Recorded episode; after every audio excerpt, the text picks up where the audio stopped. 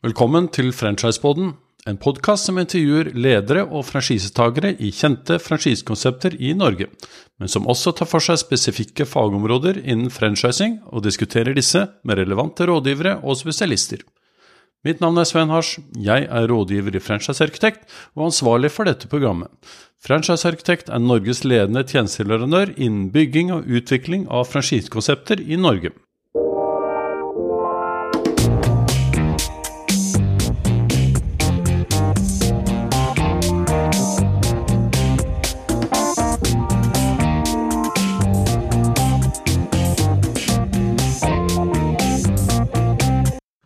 I denne episoden av Franchisepoden skal vi snakke med en utfordrer i elektro- og hvitevarebransjen, nemlig Elon Norge.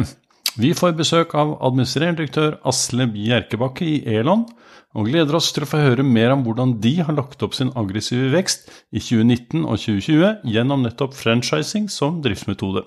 Med meg som programleder har jeg Solveig Kvam, senior rådgiver i rekrutteringsselskapet Kappa. Velkommen til Franchisepoden. I dag sitter vi med en veldig spennende eh, aktør i en veldig krevende bransje. Men ved, meg, ved min side har jeg eh, Solveig Kvam fra Kappa, og så ikke minst Asle Bjerkebakke fra Elon Group, eller er det Elon Norge. Velkommen. Takk for det. Hyggelig. Er det en god dag i dag, på tross av eh, han har sagt, valg i USA og det at man sitter og venter på hva som kommer til å skje? Ja, det blir veldig spennende. Eller det har jo vært spennende over lang tid. Så Ikke sant? Um, jeg tenker på Du, du har, er jo en aktør i en veldig krevende bransje med store konkurrenter som har holdt på lenge, som tilsynelatende i hvert fall er flinke. Da er du også en underdog, bokstavelig talt. Uh, hvordan, hvor kommer underdogen fra? Dvs. Si Asle Bjerkebakke. Uh, hvilken bakgrunn har du? øh, jeg, jeg vokste opp i Fredrikstad. En del æreforeldre og to mindre søsken. Har hatt en flott oppvekst der. Eh, og vi reiste jo mye rundt i Europa som små, og da tenkte jeg tidlig at eh, jeg har lyst til å studere utenlands. Eh, og det ble økonomi i Mannheim, Syd-Tyskland. etter siviltjenesten og jordbruksskole. Og så mm, i Mannheim tok på universitetet der valgte jeg jo logistikk som hovedfag, egentlig. Jeg jobbet i, i logistikkbransjen først i NSB Internasjonal Gods fire år. Uh, før jeg ble rekruttert til en kunde som satt i Basel, Sveits. Jobbet, tok med familien der og jobbet der et par år. Før jeg uh, kom tilbake igjen til Oslo og fortsatte innenfor logistikk. Men skjønte etter hvert at det var uh, mer økonomi og finans jeg likte å jobbe med. Da. Og da ble jeg forespurt om å flytte tilbake til Freistad og ta jobben som CFO i det som den gangen het Serviceringen. Så vi kom inn der i 2001. Ny ledelse. Uh, og da hadde jo Serviceringen vært medlem av en europeisk uh, hva skal man si, kjede, eller en sammenslutning da, som hadde merkevaren Euronix. Og så valgte vi da å omprofilere alle butikkene til det. Så Euronix har jeg da jobbet i siden 2001. Så begynte vi ganske tidlig å se at nettopp fordi vi var såpass små da, i uh, norsk sammenheng, så begynte vi å se oss om etter en strategisk alliansepartner. Både blant eh, konkurrenter og industrielle og finansielle. Og det endte jo da til slutt med Elon, da, som er eh, mye av den samme filosofien og kulturen som oss. Samtidig som vi utfylte hverandre veldig godt fordi de har et veldig bra logistikksenter i Ørebro som kunne serve oss. Så det er vel eh, sånn det, som det har er skjedd. kortversjonen. Ja. Og Fredrikstad, hva, hvem er Asle som privatperson? Hva gjør du når du ikke Tenk på en ansvarsfull jobb du har. Hva gjør du når du ikke jobber i Irland? Ja, vi har Samboeren min og jeg vi har vært sammen nå i 15 år. og vi har, Jeg har jo fire, far til fire barn, og hun har to fra før. Så det er klart jeg har sett mye idrettshaller og barnehager og skoler. Jeg tok meg det her en kveld når jeg satt og lå og sang for minstemann, at nå har jeg vel sunget Ai, ai, ai, Boff i 24 år. Så det er klart det har tatt litt tid. Ellers så er det jo det med å Når man har tid, å komme seg ut og få trent litt og hørt litt Dagsnytt 18 og lest en god roman. Ja, det er jo det som fritida går til. Ja, det skal jeg tro. Og eh, tenk på en, en vanlig arbeidsuke. Hvordan ser den ut eh, for deg? Eh, Det er jo veldig varierende, men eh, fram til mars, da, eh, så var det jo en del reising. Eh, det sitter jo konsernledelsen i, i, Sverige, og da har vi jo møter enten i Ørebro eller Stockholm nesten ukentlig. I tillegg til at vi har veldig mye møtevirksomhet i Oslo, og, og butikkene som skal følges opp. da. Så man er jo en del underveis, og det er jo en jobb hvor man ja, det, det, skjer jo hele tiden noe man skal løse, og da er det veldig varierende fra uke til uke da, hvordan man jobber. Hvor mange butikker besøker det sånn løpet av la oss si måneden eller uken, eller dagen for den saks skyld? Ja, det er eh, veldig varierende, men når jeg har jobbet som CFO, så det er folk jeg har jobbet sammen med nå i nesten 20 år, mange av dem, så man har veldig godt forhold til det. Eh, allikevel så er det veldig godt å komme ut til butikkene og se hvordan de eh, I markedet de jobber i, altså nærområdet der, hvordan butikken ser ut, hilse på personal. Da, får man liksom et litt bedre inntrykk da, i hvilken hverdag de har. Så det er viktig. Eh, men som CFO så ble det jo ofte da Hvis det var noen økonomiske utfordringer eller den type ting som skulle løses, at man var ute. Så da når jeg tok over som daglig leder for tre år siden, så reiste jeg rundt i alle de andre butikkene jeg ikke har hilst på. da. Riktignok noen få jeg ikke har fått med meg enda. Men det er klart, vi holder jo til på noen grisgrendte strøk, og da er det tidkrevende. Eh, så, eh, så det, er, eh, det, er, veldig viktig å, å, kunne få være ute og hilse på dem. Og det som har vært veldig spennende nå etter nedstengingen, er jo alle nyåpningene. Så nå var jeg senest i Fauske og Rognan nå forrige torsdag, og så blir det jo Rørvik nå neste uke. mange har dere åpnet i år? Vi har I år blir det vel eh, jeg var så på det, Vi har jo startet jo med det konseptet her i juni i fjor. Og ved årsslutt så skal vi ha åpnet 16 butikker i den perioden. Wow, det er imponerende. Men ja, tenk, tenk, ikke sant? Um, men like, før vi går videre tenk på, Jeg nevnte bare innrent med å si underdog uh, i forhold til Norge, da, primært sett. Uh, fordi Elkjøp og hovedkonkurrenten Ekspert de, de, har jo vært der så lenge, og de tilsynelatende er gode på salg, de har god storbeliggenhet, det er store lokaler. Og så går man inn og prøver å ta, eller tar en posisjon på en helt annen måte. og det jeg Fortell litt om Elon, for det tror jeg ikke så mange kjenner til.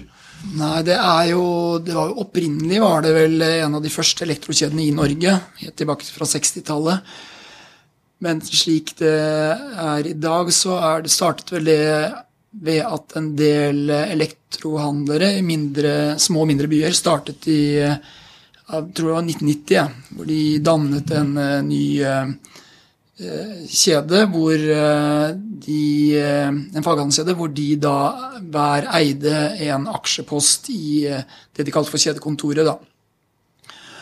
Og, så har det utviklet seg, sånn som jeg var litt inne på i sted, at vi kom inn da ny, i 2001 og bygget opp en veldig god verktøykasse. Vi liker å si at vi er den best strukturerte faghandelskjeden i Norge. og så har vi jo tatt det videre i forbindelse med at vi så at vi måtte bli, eh, komme inn i et større system, og da endte vi opp da med Elon. Så Og vi, mener jo selv at eh, hadde det ikke vært for Elkjøp, så hadde jo ikke vi kommet oss så langt som vi har gjort, fordi det er jo hele tiden eh, medført at vi må jobbe mer og mer effektivt og smartere, da. Men det er klart at vi eh, så også den utfordringen ved å være liten, fordi det er jo, det er jo går på volum, det her. Eh, så Det ene var at vi eh, ble en del av det svenske systemet, som er jo Elon i Sverige har jo 30-35 av hvitevaremarkedet, så de er store. Men vi så jo også at skal vi kunne fortsette i framtiden i Norge, så må vi eh, øke antall utsalgssteder og omsetning. Så det er veldig viktig for oss. Eh, nå har jo vi i Kappa vært med og rekruttert en del av dem som har åpna Elon-butikker og skal åpne Elon-butikker. Eh, og så har vi jo snakka med veldig mange kandidater i den prosessen. Eh, og et sånt felles, en felles tilbakemelding de har gitt, er jo at det nye butikkonseptet som Elon ruller ut nå, det ser utrolig flott ut. Hvor er det dere har henta inspirasjon fra når dere har laga det?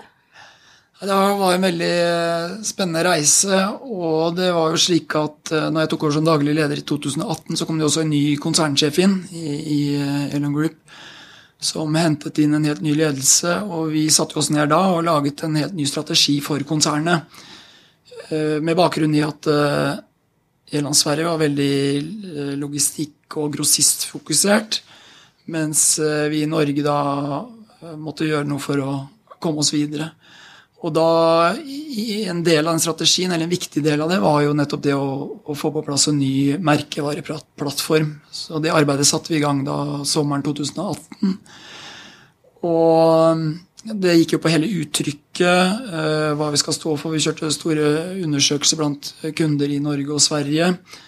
Uh, og vi spiste inn mot de målgruppene vi fant ut da som passet, inn, uh, passet sammen med oss. da. Og da kom jo også En naturlig del av det var jo da også hvordan butikkene skulle utformes, de nye butikkene. Eh, og det var en spennende reise. Vi, målet vårt er jo at vi skal være, eller bli og være nordiske. Og sånn så Det var jo elementer som vi la frem da for de som hjalp oss i den prosessen. her da. Det gikk jo på materialvalg, fargevalg og hvilke uttrykk vi ønsket å stå for.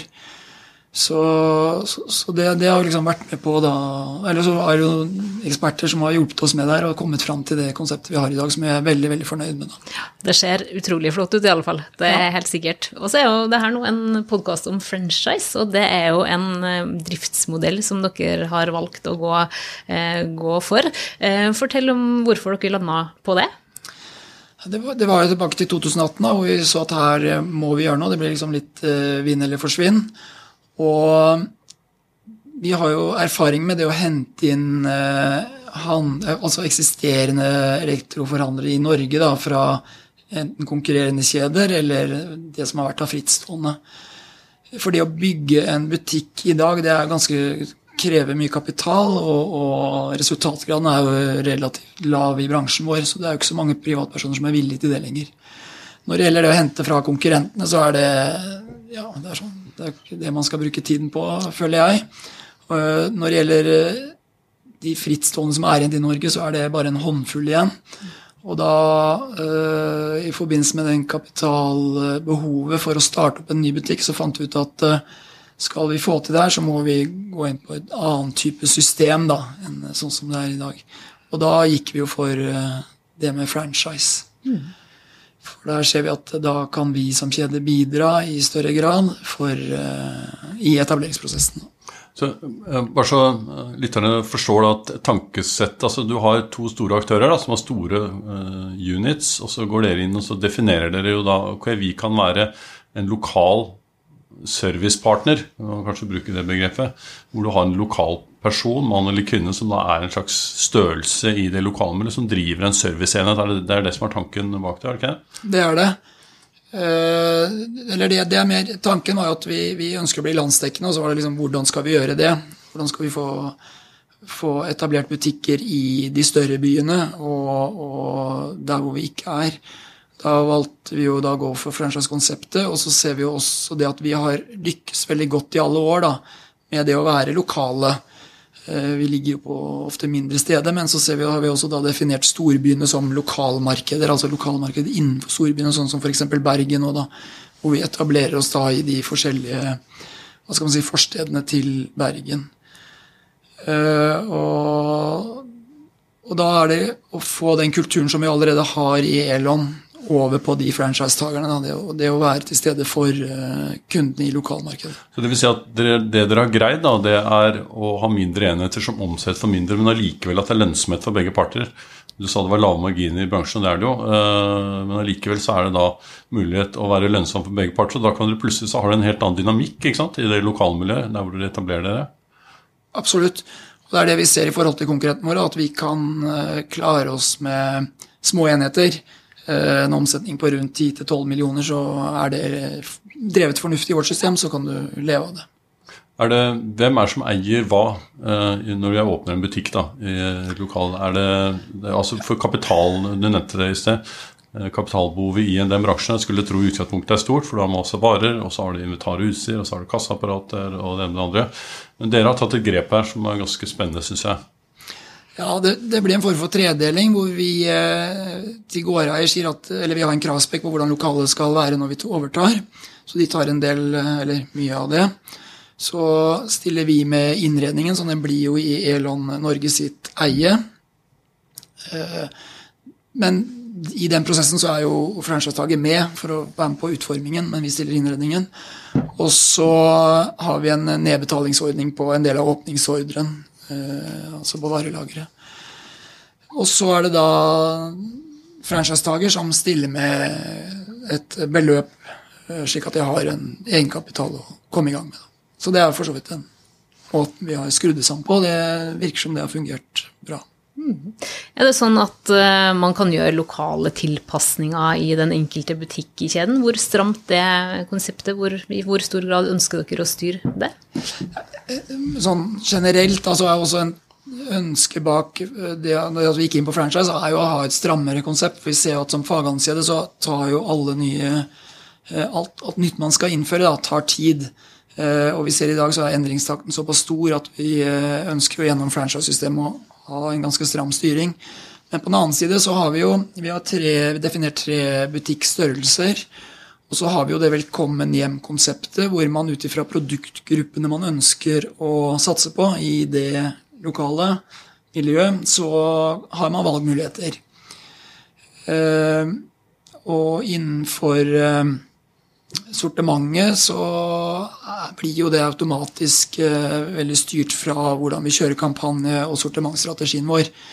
Men, eh, men man sier en lojalitet på over 90% på sortiment. Det, det, eller 90% sier vi jo er eh, kravet. Men, men, men da, innenfor produktkategoriene så har de jo en valgmulighet i forhold til om de vil satse på kjøkken og f.eks. bearbeide B2B-markedet. Eh, servicetjenester, er det en del av det her? Hva, er det viktig for butikkene? Det er veldig viktig, og vi sier jo som konsern nå, en del av strategien vår og målsettingen. Det er jo ikke noe man gjør over natten, men vi har sagt at vi ønsker å gå fra å være en produktfokusert eh, organisasjon til å bli en tjeneste- og serviceorganisasjon. da, Hvor produkt kommer litt i bakgrunnen. Mm. Um, så det vil si at um, man har visse lokale tilpasninger, men det er lov til å ta 90 90% i forhold til, ja. til franchiseavtalen. Nettopp, og Det har selvfølgelig noe med å gjøre at uh, dere da også kan tilby konkurransedyktige priser da, på større volum. antar jeg, Sånn, sånn at det gagner skistageren at man er lojal. Og så har dere kanskje en annen slags bonusordning utover det.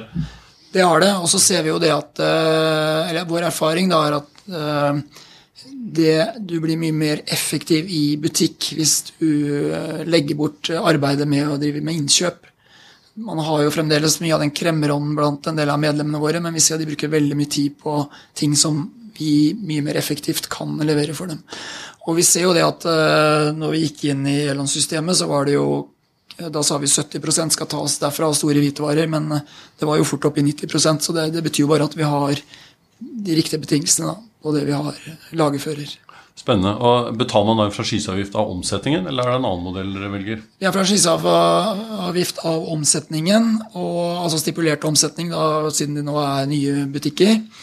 Uh, hvor det ene komponentet er uh, for markedsføring. Det dedikeres til det. Og så er det et for uh, øvrige kostnader, eller for tjenester vi leverer fra sentralt. da. Ok, Så det vil si at så dere eh, bare repetere litt, at dere finansierer på en måte oppstarten til franchisedageren ved at dere gir det betingelser enten av varekreditter og inventar og utstyr.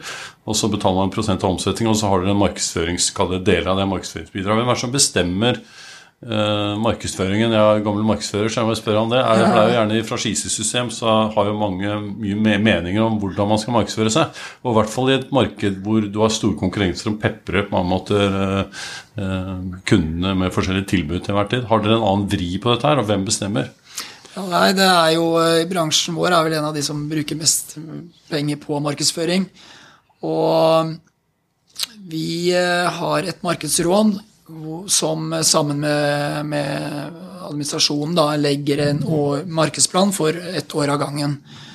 Uh, og der er det jo i sentralt er jo ganske førende i forhold til uh, hvordan det her skal være, men Markedsrådet har mulighet til å komme med innspill. Og det vi ser nå, er jo at det har vært litt diskusjoner da, med nye franchisetakere, for det er såpass nytt nå, men om de skal ha et eget markedsråd eller få være med på det. Men vi er veldig opptatt av at uh, innspillene kommer fra de som faktisk er uh, ute i markedet hele tiden. Da. Så det tar vi til oss. Men det spikes en markedsplan, for det er såpass store investeringer, og mye av det må jo avtales i god tid i forveien. Har dere et annet uttrykk? Jeg mener, Dere er en lokal partner. ikke sant? Også, ut, gjør dere det uttrykk i kommunikasjonen, istedenfor at det bare er PC 9999? Ja, det gjør vi jo. Og vi spiller på mange kanaler nå. det, det liksom, Jeg tror det er dilemmaet til hele bransjen nå. Liksom Vi går fra å bruke veldig store andeler av midlene på print og over til det digitale. Og så er det liksom Hva skal kombinasjonen der være, og hva skal du bruke på de forskjellige digitale kanalene? Da. Så det er, det er en sånn brytningstid nå. Det er veldig spennende, Asle. Nå har dere jo fått over 50 butikker i Norge eh, hittil i år. Det er vel noen flere som skal åpnes utover høsten også. Eh, når planen ble iverksatt og vi, dere bestemte nå skal vi ekspandere kjeden, vi kjører på, eh, har dere satt noen mål, mål, for hvor mange nye butikker eh, som skal åpnes eh, på kort og lang sikt? Ja, vi har jo studert eh, kartet bl.a. og så hørt litt på hva andre kjeder eh, gjør. Når man snakker om å bli landsdekkende, så er det liksom sånn Vi tenker rundt en 75 utsalgssteder da bør vi ha. Mm. Og selvfølgelig i de større byene er det ikke nok med ett utsalgssted.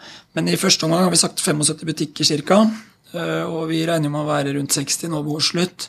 Så neste par årene så skal vi da opp med en 12-15 eh, butikker til. da. Det krever jo eh, noe som vi i Kappa jobber mye med, og det er jo rekruttering. Kan ikke du fortelle om hvordan, hva dere tenker rundt rekruttering av franchisetagere? Og hvordan dere tilnærmer dere det? Ja, vi, eh, vi, har jo klare formeninger om en butikk, eller hvilken kompetanse en butikkdriver eh, bør besitte da, for å kunne overleve i systemet her. Og vi, når vi satte i gang prosjektet med å etablere et franchisesystem, så så vi fort at det er jo ikke noe vi skal sitte og uh, bruke tid på. Det å rekruttere potensielle.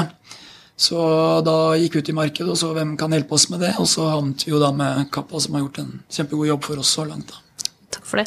Um, du har jo møtt mange kandidater nå. Eh, vi møter jo veldig mange, vi snakker med veldig mange. Vi møter jo, mm, altså Når man skal vurdere å bli franchisetaker, så er det helt naturlig å også stille noen kritiske spørsmål. Det må en god franchisetaker gjøre før man risikerer å, å investere penger. Er det noe dere møter som kandidater kan være skeptiske til, når dere eh, møter dem etter de kanskje har vært hos oss først? Ja, det, det, er jo to forhold. og Det ene er jo at eh, vi, vi omprofilerte jo da fra Euronics til Elon eh, for ett og et halvt år siden. Så, så, det er jo kjennskapen til merkevaren som eh, en del stiller spørsmålstegn ved. Og det andre er jo altså budsjetter, og spesielt det med likviditet. Da, for vi, vi setter de jo ganske godt inn i vi, vi har jo veldig gode nøkkeltall på butikker i de tre kategoriene. Eh, og lager, hjelper dem med budsjett og, og likviditetsbudsjett eh, ganske tidlig i prosessen. Og der ser man jo at likviditeten er jo ganske stram ut i forutsetningene vi legger. da. Mm. Og, så der blir det jo en litt uh, diskusjoner rundt det. Ja, Men så ser dere jo sikkert noen drivere her som lykkes. Du var inne på det innledningsvis her òg. Hva er det som kjennetegner dem som gjør det virkelig, virkelig bra i Elon? Det, det, er, eh, det, vil si, det er, og det har vi for så vidt alltid sett, at det er nødvendigvis ikke beliggenhet eh, eller eh, antall forbrukere i området, men det er driveren som er nøkkelen til suksess i vårt system. Og det man må kunne da, det er jo det å Kundebehandling må man ha erfaring på. Og, og så må man også være ute i butikk og selge det. Man kan ikke sitte på bakrom og styre det her. Eh, så ser vi på kvalifikasjonene er jo det at man må ha muligheten til å se totaliteten, da, fordi det er små marginer. Så må man ha full kontroll hele tiden på den ene siden, men samtidig så må man også være ned på detaljnivå da, for å kunne følge opp her. Du er enig i at det her er en livsstil? Det er ikke noe tvil om. Nei. Det er ikke noe 8-4-jobb. Nei. Um, nå har, har, dere vokst mye. Dere skal åpne mange butikker, eh, og har åpna mange butikker. Um, er det noen utfordringer du ser for Elon som kjede som følge av en rask ekspansjon? Ja, absolutt. Det er eh, Når jeg gikk til styret med planene våre i, i 20, slutten av 2018, så var det jo eh, var det jo diskusjoner rundt det med kapitalbehovet og den risikoen vi tar ved å gjøre det. Så det er det ikke noe tvil om. Eh, Og, så vi er jo eh, avhengig av at den enkelte driver lykkes her. Og det, tenk på, Jeg ble fascinert av den ekspansjonstakten, for jeg tror det er så mange som forstår egentlig hva det krever av et system. Eh, Du skal finne riktig beliggenhet, du skal få løyve, du skal ha forhandle med gårdeier, du skal ha innredning og utstyr, du skal finne kandidater. Hvor, du strekker jo strikken litt her i forhold til medarbeidere. Jeg burde Folk skal gjøre veldig mye veldig fort hvis man skal åpne én i måneden, f.eks., som er veldig krevende. Eh, Hvordan har det, hvordan har det ledet det? Eh, det, det har eh, helt klart vært veldig arbeidskrevende. Og i administrasjonen i Norge så sitter vi jo bare 15 stykker. eh, Og halvparten av de jobber jo med økonomi, for vi fører jo regnskap for handlerne våre. Så vi har eh, hatt en Vi kjører sånne prosjektplaner. eh, Veldig stram styring på det. Men det er klart, det begynner jo allerede med det å gå ut og finne lokasjoner. Hvor skal vi være? Finne lokasjoner. Få hjelp av Kappa til å rekruttere. Så ser vi jo noen steder har det gått fortere enn andre steder. Og så har, eh, har vi da en eh, stram plan på å bygge butikkene. Og det er et prosjekt på en eh, to og en halv til tre måneder da, fra du signerer avtalen til innredningen er satt i produksjon, montert og varene er på plass. Og så skal du ha markedskampanjer i tillegg til det. Og det er klart det har vært en, eh, et eh, voldsomt kjør, men vi har jo veldig dyktige medarbeidere i Fredrikstad. Og de eh, Nå begynner å gå på skinner. Nå har vi jo tre åpninger neste torsdag, så Wow, det er er imponerende. Ja. Men, men, men vi ser jo for hver butikk vi åpner, så går det jo bedre og bedre. Og i et prosjekt med så mange detaljer, så har det jo alltid glippet på et eller annet. Men når jeg var i Fauske nå sist, så var det plastposer. Og når vi er der, så si at vi er veldig fornøyd. Hvis vi, eh, når du da begynner som franchisedager, så antar jeg at dere har en slags standard opplæring. Eh, hvor, hvor, hva er det de lærer for noe, og hvor lang opplæringstid er det? Det, det vi har funnet ut som er den beste måten å gjøre det på, er at vi har jo hatt samlinger hvor de, vi går gjennom alt over to dager av, av driftshåndbok og økonomi og marked og alle områdene. Eh, Det vi ser der, er at det blir veldig mye informasjon for dem. Så en oppfølging av det er jo da at de jobber i en av butikkene våre i eh, tre til fem dager for å få satt seg inn i den normale hverdagen. Og det er, tror jeg er det som gir best effekt sånn sett. Så har vi jo eh, i år for første gang kjørt digitale kompetansedager som går på produkt. Da har vi hatt 20 sesjoner med leverandørene våre som har opplæring på det, hvor alle er med. Og så er det jo ønske om det vi kaller for Elon Academy, da, å følge opp det hvert halvår. Men nå har jo situasjonen vært uh, spesiell. Så vi har for så vidt bare fått kjørt én sesjon med det. Jeg er eh, interessert i det med Når en franchisedager vurderer et konsept, så er jo dette med stordriftsfordeler er jo noe man vurderer. Altså, jeg kunne ha åpnet en egen elektrobutikk, men jeg velger dere fordi dere tilbyr noe. Eh, IT-systemet, markedsføring, opplæring. Hva er det de, Hvilket inntrykk er det, de eh, er mest opptatt av? Eller hva er det viktigst for en franchisedager i valg av stordriftsfordeler, eller det dere tilbyr? Det, går jo på marked eh, og, produkt altså produktspekteret, da. Det er det som er liksom hovedfokuset. Det er det. Eh, Nå har jo 2020 vært et veldig utfordrende år for eh, mange. Eh, Og den pandemien vi opplever nå, den har hatt utslag for mange aktører i retail. Hvordan har det påvirka Elon? Hvordan går det? Ja, nei, det har påvirket oss veldig. Vi Hjertet i hele systemet vårt er jo de 60 000 kvadratmeterne med laget vi har i Ørebro. Og vi har i konsernledelsen har vi jo, De første månedene hadde vi jo daglige møter med oppdatering i forhold til det, fordi vi måtte ta grep eh, eh, for ikke å få smitte inn der. Der kommer det jo sjåfører fra hele Europa inn. Eh, Fordi hadde vi fått smitte der, så hadde jo det maskineriet, maskineriet stoppet opp. Det var det ene. Vi var også da rundt 12. mars eh, bekymret for at myndighetene skulle stramme inn og stenge all hans virksomhet. Så vi hadde jo en butikk som var klar for åpning i Tromsø da rundt 20. mars. Som vi stoppet åpningen av. For vi følte at vi kan ikke slå på stortromma nå. Men, men, sånn i ettertid så ser vi at bransjen vår har jo vært veldig heldig, da. Vi har jo Hjemmekontorutstyr forsvant ut i april, og etter det så har jo folk bygget om kjøkken og fått seg større TV-er. Så sånn sett så har det jo gått uh, veldig bra uh, i forhold til hva vi fryktet da i mars. Har dere òg hatt noe spesiell support overfor driverne av butikker i, i, forbindelse med det? Absolutt. Vi har jo uh, vi hadde ukentlige webinarer hvor vi gikk gjennom det med smittevern og og tiltak Vi lanserte jo også hjemkjøring og den type tjenester da, for eh, trygg handel eh, for kundene våre. Så, eh, du har jo kalt det luksusen av å være en del av et stort system, dvs. Si en skandinavisk aktør, men det kan jo sikkert ha noen begrensninger også. Er det, har du noe handlefrihet? I, altså det er jo kulturforskjeller ikke sant, mellom landene. Det, kan du sette ditt stempel på det norske Elon-konseptet? Ja, det vil jeg si. Vi har jo fått være med i prosessen fra dag én. Fordi, eh, kanskje fordi det kom inn en ny ledelse samtidig, da, og vi har vært representert gjennom konsernledelsen. da. Så, og vi lå Elon Sverige var veldig logistikkfokusert, mens vi har vært mye mer fokusert på eh, det tjenestespekteret og eh, det at vi går i takt i butikk. Så vi har kunnet levere mye til dem på det området, og så har vi fått tilbake på den logistikkbiten. Så jeg føler at vi utfyller hverandre veldig, da, og har mye den samme kulturen. Men det er klart, det å gå fra å være en selvstendig organisasjon i Norge til eh, plutselig å skulle forholde seg til mange svensker, det har sine utfordringer. Hvordan er det driftsmessig? Hvis du tenker kan de franchisesystemet i Norge lære av Sverige, sånn driftsmessig? For det er jo en litt annen ledelseskultur der. Nei, jeg vil ikke si det. fordi i Sverige er det jo fremdeles det faghandelsaspektet vel, står veldig sterkt. Eh, de er nok mye mer eh, De jobber nok mye mer eh, lokalt der, etter eget initiativ, enn det vi gjør i Norge. Mm.